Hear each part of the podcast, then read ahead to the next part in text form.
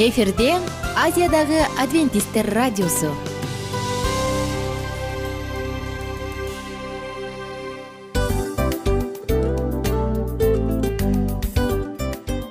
Достор салют.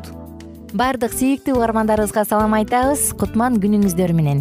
Ден соолук өмүрдүн булагы демекчи саламат саамы программасында баарыңыздарды көргөнүбүзгө абдан кубанычтабыз. Анда алгач амандашып өтөлү арбаңыздар деп. Ден соолугуңуздар кандай элибизде көбүнчө ден соолук кандай дегенде эле жакшы деп жооп беребиз э ооруп турсак дагы жакшы дейбиз. Анан мен муну айтып ойлойт элем бул абдан сонун сөз депчи анткени бул жакшы деген үмүт да ооба баары жакшы болот баары сонун.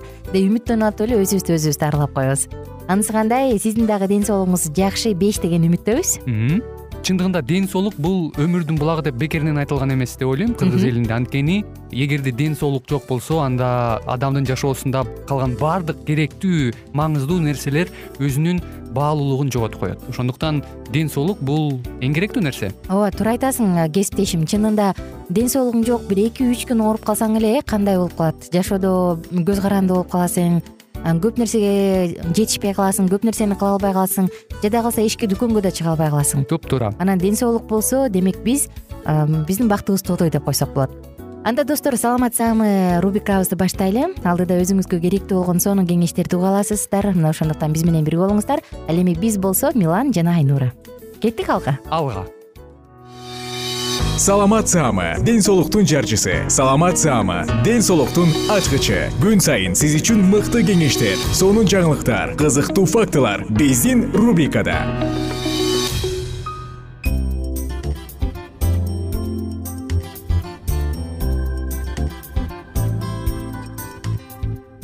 кутмандуу күнүңүздөр менен жалпы биздин көрөрмандарыбыз жана угармандарыбыз сиздер менен бирге конокторубуз менен чогуу биз саатыбызды баштадык. Гепатит оорусу жашыруун жаналгычпы деген тема бүгүнкү конокторубуз бар.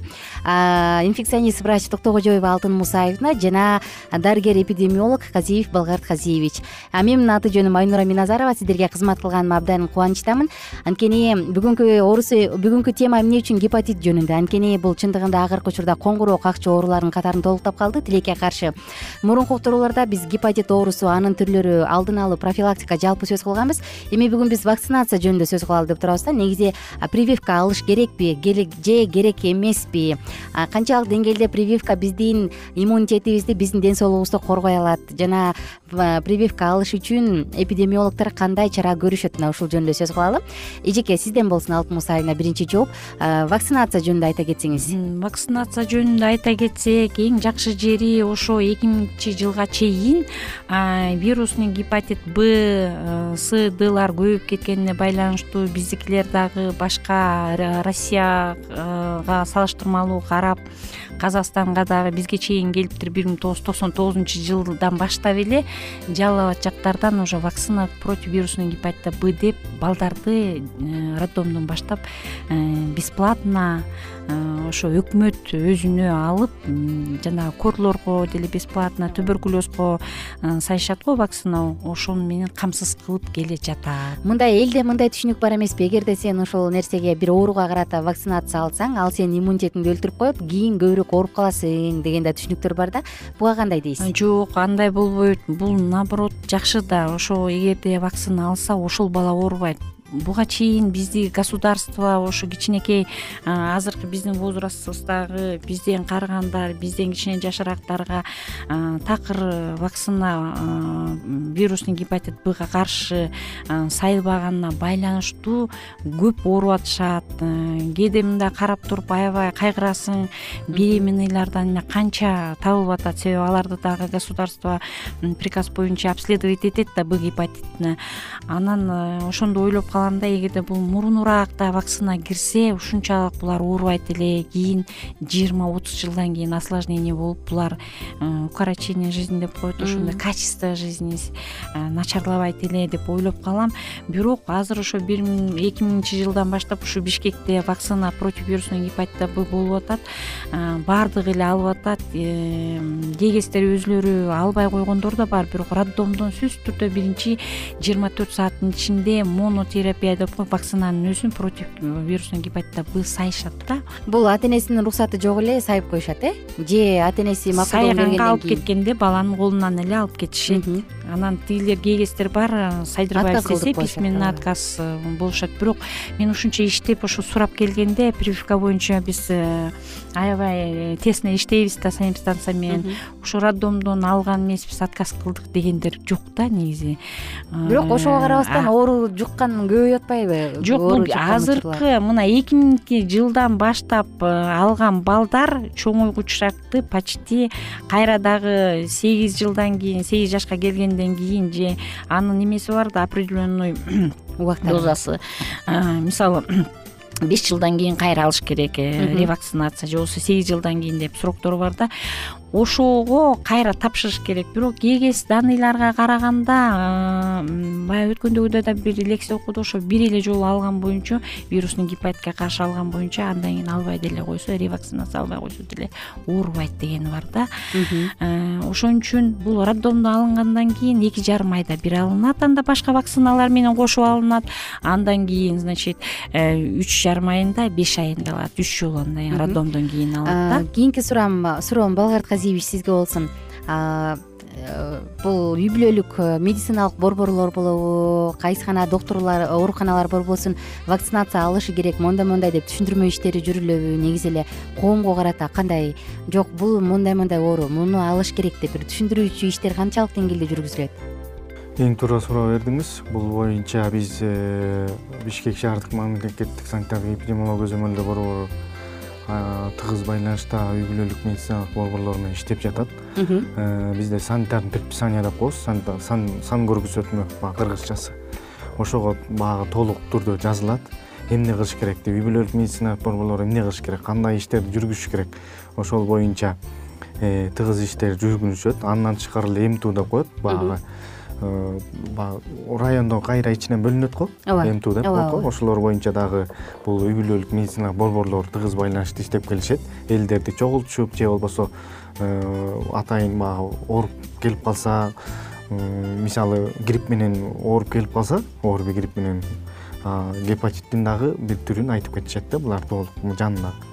Андан тышкары биз жанагы стоматологияга жана андан тышкары медициналык частарга барып текшергенде больницаларды бейтапканаларды текшергенде сөзсүз түрдө бул вакцинация алынып атабы именно бул дарыгерлер өздөрүнө алып атабы же болбосо э, ка- канча маал алды кайсы түрүн алды э, ошол туу байланыштуу биз эме кылып турабыз текшерип турабыз. Э, эгерде бул медициналык акыркы учурда мен көп булактардан окуп көрүп келем журналист болгондон кийин вакцинациядан отказ бергендер абдан көбөйүп келе жатат да себеби эмне деп ойлойсуздар вакцинациядан отказ бергени бул абдан өкүнүчтүү нерсе болуп келип атат анан биздин э, бир кыргыз мамлекетибизде ар кандай э, сөздөр жүрүп кетип атат себеп дегенде баягы жанагы жоолукчан деп коелу баягы динге дин көз карашта катуу берилип кеткендер бул э, составында э, чочконун майы бар э, чочконун эти бар экен деген Мгм. учурларда көп кездешип атат да. Ошого байланыштуу биз албайбыз.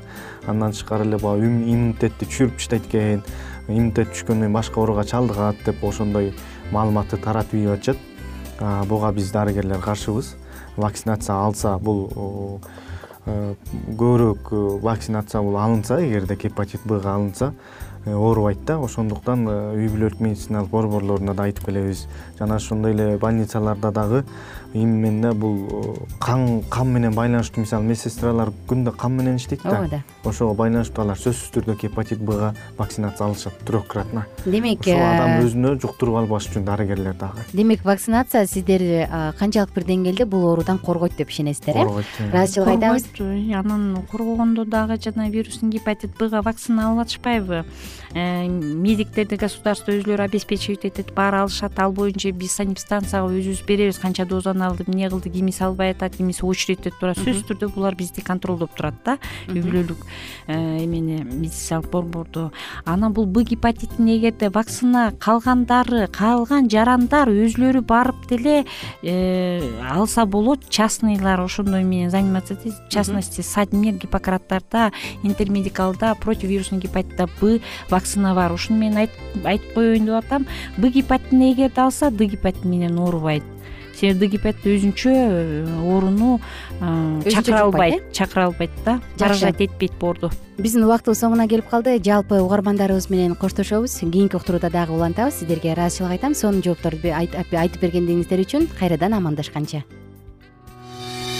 Саламат саама ден соолуктун жарчысы. Саламат саама ден соолуктун ачкычы. Күн сайын сиз үчүн мыкты кеңештер сонун жаңылыктар кызыктуу фактылар. Биздин рубрикада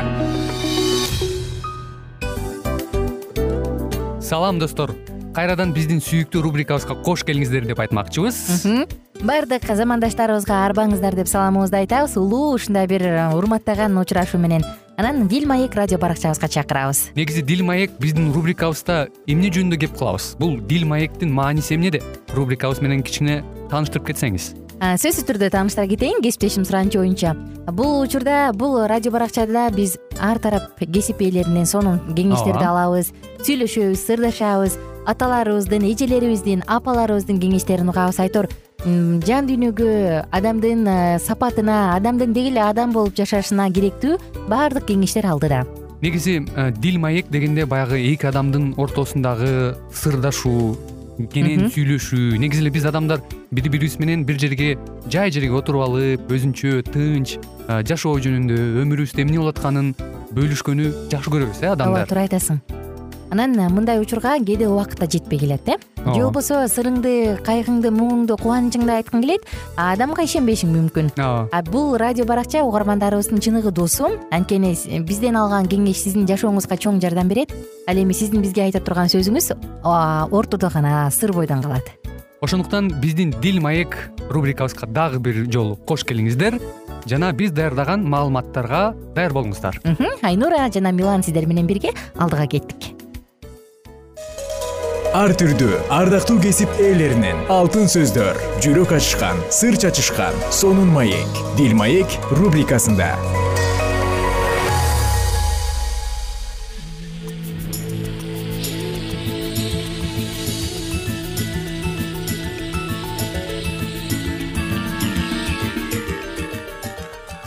саламатсыздарбы ардактуу радио угуучуларыбыз кайрадан эле сиздердин назарыңыздарда бактылуу никенин баалуу эрежелери аттуу программабызды баштайбыз. Бүгүнкү программабыздын чыгарылышында урматтуу радио каармандар үй бүлөлүк жаатта арналган темабызды улантабыз. Тактап айтканда биз деги эле бала тарбиялоо жаатында. Балдарыбызды турмуштук жашоодо алар келечекте э, туура татыктуу тарбия алышы үчүн болбосо алардын кыялдары ишке ашыш үчүн дайыма эле ооба деп айта берүүнүн дагы терс жактары бар эмеспи. Андыктан биз балдарыбызды туура тарбиялоодо жок деп кантип айтып үйрөтсөк болот. Ушул туурасында бүгүнкү программабызда сөз кылабыз. Ал эми сиздер болсо биздин ободон алыстабай дал ушул мүнөттөрдө биз менен биргеликте болуңуз. Кызматыңыздарда микрофондо кайрадан эле аты жөнүм улан кубанычбеков. Жана ошондой эле менин кесиптешим. Саламатсыңарбы жана мен асель мамбетова адатта бул чындап эле көйгөйбү. Балаңар жок дегенди түшүнбөйт жок десеңер болбой эле ыйлап айлаңарды кетире берет. Тигиндей айтсаңар да болбойт мындай айтсаңар да болбойт. Анан чарчаганда айла жок каалаганын кыласыңар. Ошентсе да балаңардын андай кыялын оңдой аласыңар. Эмесе адегенде жок дегенге байланыштуу айрым нерселерди карап көрөлү ошондуктан урматтуу ата энелер биз бала тарбиялоо жаатында дагы ата бабаларыбыздын эзелтеден айтып келген сөзүнө дагы маани берип ошол нерсени турмуштук жашоодо колдонгонубуз абдан маанилүү болуп саналат экен. Мисалы суунун нугун кайсыл жакка бурсаң ошол жака агын суу болуп агат демекчи. Демек биз балдарыбызды эң башынан аларды кичинекей кезинен тартып эле жок деп айтууга дагы үйрөткөнүбүз абдан маанилүү болуп саналат экен. Демек бул жаатта дагы эмнени билишибиз керек? Келиңиздер. Ушул туурасында дагы бир нече назар салыңыз. Жок деп айтуу деги эле катаалдыкка жатабы? Албетте жок деп айтуу катаалдыкка жатпайт. Айрым ата энелер буга каршы болуп бала менен сүйлөшүп ага баарын түшүндүрүп бериш керек деши мүмкүн. Балдарыңардын көңүлүн ооруткусу келбегендиктен андай ата энелер жок дебей аларды көндүргөнгө аракет кылышат. Ырас жок деп айтканыңар балаңарга башында жакпашы мүмкүн бирок ошонун аркасында ал маанилүү нерсени турмушта баары эле ал каалагандай боло бербей турганын түшүнөт. Ал эми балаңардын ою менен боло берсеңер анын алдында баркыңар кетип калат. Ошондой эле аны чатак салып отуруп силерге каалаганын кылдырып алганга көндүрүп коесуңар. Ошондуктан жок дей турган болсоңор ал силерге кыжырданышы мүмкүн акыр аягы ата энесине каалаганын оңой эле кылдырып ошого кынык алып калган бала. Аларды сыйлап жыргатпайт. Сөзсүз түрдө демек балаңызга авторитеттүү ата эне болууну тилек кылсаңыз анда сөзсүз түрдө сиз өзүңүздүн принципиалдуу көз карашыңыздан кайтпастан баланын оюна жеңилбестен тескерисинче сөзсүз түрдө өзүңүздөрдүн дагы кылып жаткан иш аракеттериңизге көңүл бурганыңыз абдан маанилүү болуп саналат экен. Адатта жок деп айтуу менен дагы балдарыбызды турмуштук жашоого тарбиялаганыбыз абдан маанилүү. Адатта жок деп айтуу менен дагы балдарыбызды турмуштук жашоого даярдаганга аракет кылган болот экенбиз. Демек бул туурасында дагы бир нече кеңештерге кулак төшөңүз. Жок деп айтуу менен балаңарды турмушка даярдайсыңар жок деп айтканыңардын аркасында ал өзүн тыя билүүнү үйрөнүп кийин ошонун пайдасын көрөт. Анткени өзүн тыя билгенге үйрөнгөн балдар өспүрүм курагында башкалар баңгизат колдонууга жана никеге чейинки жыныстык катнашта болууга азгырганда же кысым көрсөткөндө туруштук бере алышат. Андан сырткары балаңар деги эле турмушка даяр болот. Бир жазуучу чынында бир турмушта көксөгөн нерселерибиздин баарын эле жете бербейбиз деген. Ал ошондой эле ата энелер балдарынын ою менен боло берсе аларды жашоого даярдай албай турганын айткан. Мындан сырткары биз бул тууралуу эмне кылсак болот? Максатыңарды эсиңерден чыгарбагыла албетте силер балаңарды акыл эстүү сезимдерин башкара билген баардык нерседе ийгиликке жеткен киши болуп чоңоюшун каалайсыңар бирок анын сураганынын баарын аткара бересиңер. Ал максатыңарга жетпейсиңер. Бир китепте мындай деп жазылыптыр. Кимдир бирөөнүн жаш чагынан өтө эле эркелетсе ал кийин жакшылыкты баалабай калары жазылган. Жакшы тарбия берүү өз ичине жок деп айтууну да камтыйт. Андай тарбиянын баалаганга пайдасы гана тиет ошондуктан урматтуу ата энелер балдарыбызды тарбиялоо жаатында ашөпкө аларды эркелете берүүнүн дагы терс жактары бар экенин дагы жогорудагы окуялар мисал болуп бере алат эмеспи. Демек жок деп айтууга чечкиндүү болууга дагы аракеттенгениңиз абдан маанилүү болуп саналат экен. Албетте балаңар чоң киши эмес. Андыктан аны макулдугун алуу зарыл болбогонсуп. Эмне үчүн жок дегениңерди аны менен талкуулашып отуруунун кажети жок. Албетте балаңар чоңое баштаганда акылын жакшы менен жаманды айырмалап билүүгө машыктырышы керек болот. Ошондуктан балаңар менен кичине чоңойгондо талкуулашканыңар жакшы. Ал эми кичинекей балага баарын түшүндүрүп отуруунун кажети жок. Эгер кечке түшүндүрүп отуруп алсаңар ал силерди жок дегениңердин чечими эмес сунуш катары көрүп калат. Андан сырткары чечимиңерге бек кармангыла балаңар чечимиңерге канчалык карманаарыңарды текшерип чыркоолоп ыйлашы же жалдырашы мүмкүн. Бир китепте бала үйдөн ошентсе эмне кылса болоору тууралуу мындай делет. Андайда балага ыйлагың келсе бөлмөгө кирип каалашынча ыйлай бер. Бирок мага угузба деп жанынан кетип калганыңар оң. Башында мындай кылуу кыйын болушу мүмкүн. Балаңарда көнбөй кыйналышы ыктымал бирок сөзүңөргө бек турганыңарды түшүнгөндө балаңар мурункудай кээжирленбей калат. Албетте ошондуктан ардактуу ата энелер айрым балдар үй бүлөдө дагы э, ашөпкө э, биз баягы кыргызча айтып койгондо чалчаңдатып тарбиялоонун себебинен демек кээ бир балдар өздөрүнүн э, баягы ой кыялын ишке ашыруу максатында орусча айтканда баягы манипуляция жолу аркылуу дагы өзүнүн кыялдарын ишке ашырганга аракет кылган учурлар да болот эмеспи. Демек алардын ушул нерсесин орундатпаш үчүн тескерисинче аларга туура багыт берүү сөзсүз түрдө ар бир ата эне бул нерсеге дагы көңүл бурганы абдан маанилүү болуп саналат экен. Ошондуктан урматтуу ата энелер бул жаатта дагы биз акыл эстүүлүк менен иш кылганыбыз абдан маанилүү экен. Андан сырткары бийлигиңерди кыянат колдонуп жок деп жооп бере бербей акыл эстүүлүк менен иш кылгыла. Анткени кээде балаңарга чыр салып ыйлагандыктан эмес. Суранычы чынында эле орундуу болгондуктан ооба деп жооп бере турган учурлар болот эмеспи. Кайрадан эле биз сиздер менен бактылуу никенин баалуу эрежелери аттуу уктуруубуздан кезиккенче сак саламатта болуңуз. Ар түрдүү ардактуу кесип ээлеринен алтын сөздөр жүрөк ачышкан сыр чачышкан сонун маек дил маек рубрикасында жан дүйнөңдү байыткан жүрөгүңдү азыктанткан жашооңо маңыз тартуулаган жан азык рубрикасы.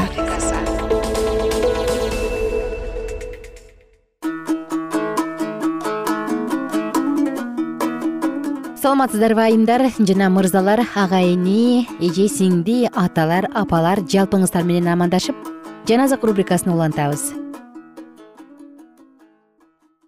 Сексен жетинчи забур тогузунчу аяттан баштап. Сен мени жакындарымдан алыстаттың.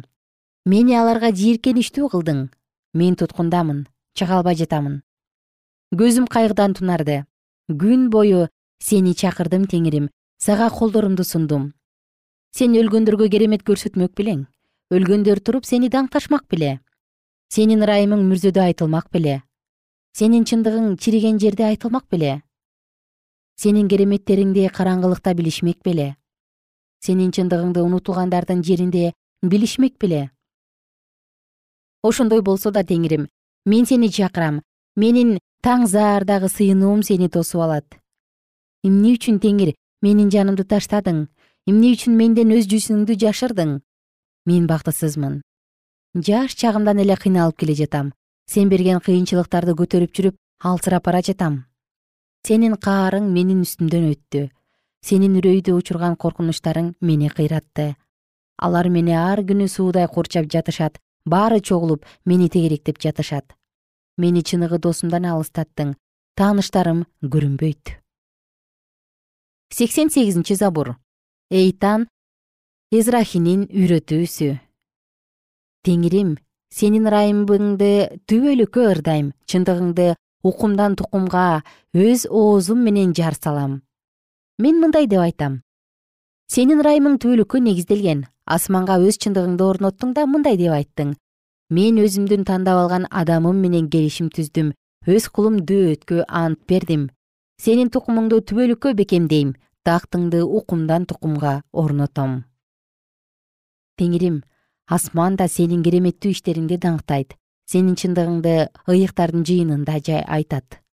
Анткени асманда теңирге тең келер ким бар? Кудайдын уулдарынын арасында теңирге окшош ким бар? Кудай ыйыктардын улуу жыйынында коркунучтуу ал өзүнүн тегерегиндегилердин бардыгына коркунучтуу. Теңир зебайот кудай теңирим сенде күчтүү ким бар? Акыйкатың өзүңдүн тегерегиңде.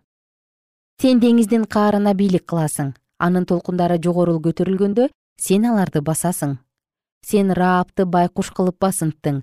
Душмандарыңды өзүңдүн кудуреттүү күчүң менен чачыратып жибердиң. Асман да жер да сеники ааламды жана андагы бардык нерселерди сен негиздедиң. Түндүк менен түштүктү сен жараттың. Табор менен хермон сенин ысымыңды укканда кубанат. Сенин билегиң күчтүү. Сенин колуң кубаттуу. Сен оң колуң жогору көтөрүлгөн. Адилеттик жана чындык өз тактыңдын негизи ырайым менен чындык сенин алдыңда жүрөт. Сурнай үнүн тааныган эл бактылуу алар сенин жүзүңдүн жарыгы астында жүрүшөт теңирим. Күн сайын сенин ысымың менен кубанышат сенин чындыгың менен жогору көтөрүлүшөт анткени алардын күчү да даңкы да сенсиң. Сенин жакшы ниетиң боюнча биздин мүйүзүбүз көккө көтөрүлөт.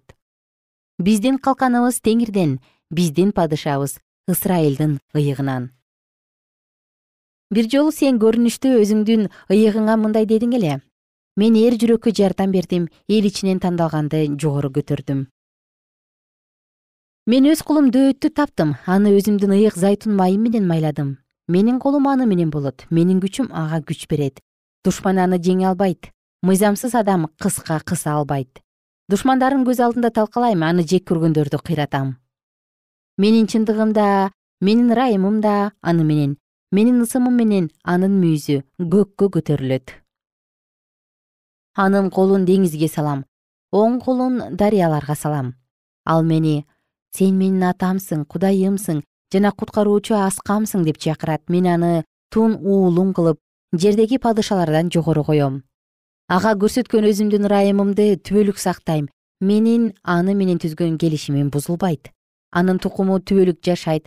Анын тактысы асман жок болгончо турат эгерде анын уулдары менин мыйзамымды таштап менин осуяттарымды сакташпаса менин мыйзамдарымды бузуп менин осуяттарымды аткарышпаса анда мен аларды өздөрүнүн мыйзамсыздыгы үчүн темир аяк менен жазалайм аларга өздөрүнүн күнөөлөрү үчүн сокку урам бирок мен аны өз ырайымдан ажыратпайм жана өз чындыгымды өзгөртпөйм. Мен өз келишимимди бузбайм жана оозумдан чыккан сөзүмдү өзгөртпөйм.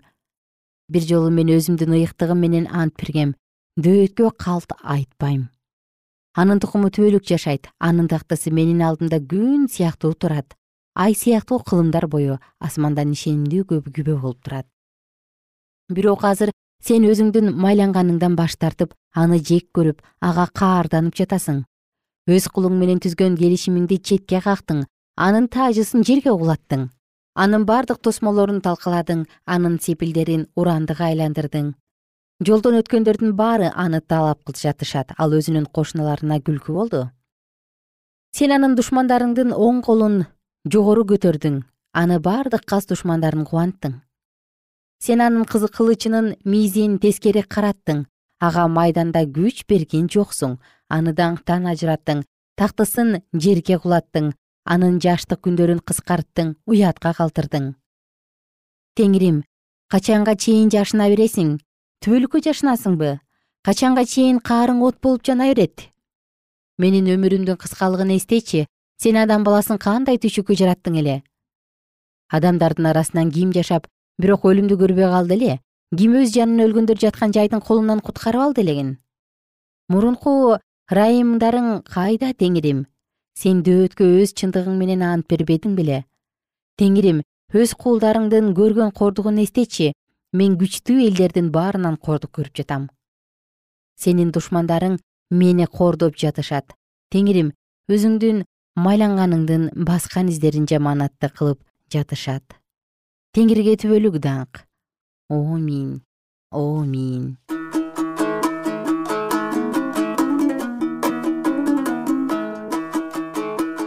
кымбаттуу достор сиздер менен бүгүн дагы сонун үзүндү окуп өттүк. Жалпыңыздарга кааларыбыз көңүлдүү күн жараткандын ырайымы дайым сиздерди коргосун. Забур китебин окууну кийинки уктурууда биз менен бирге улантыңыз. Ага чейин болсо кайрадан амандашканча сак саламатта туруңуз. Дайыма жүрөгүңүздө улуу бейкут тынччылык болсун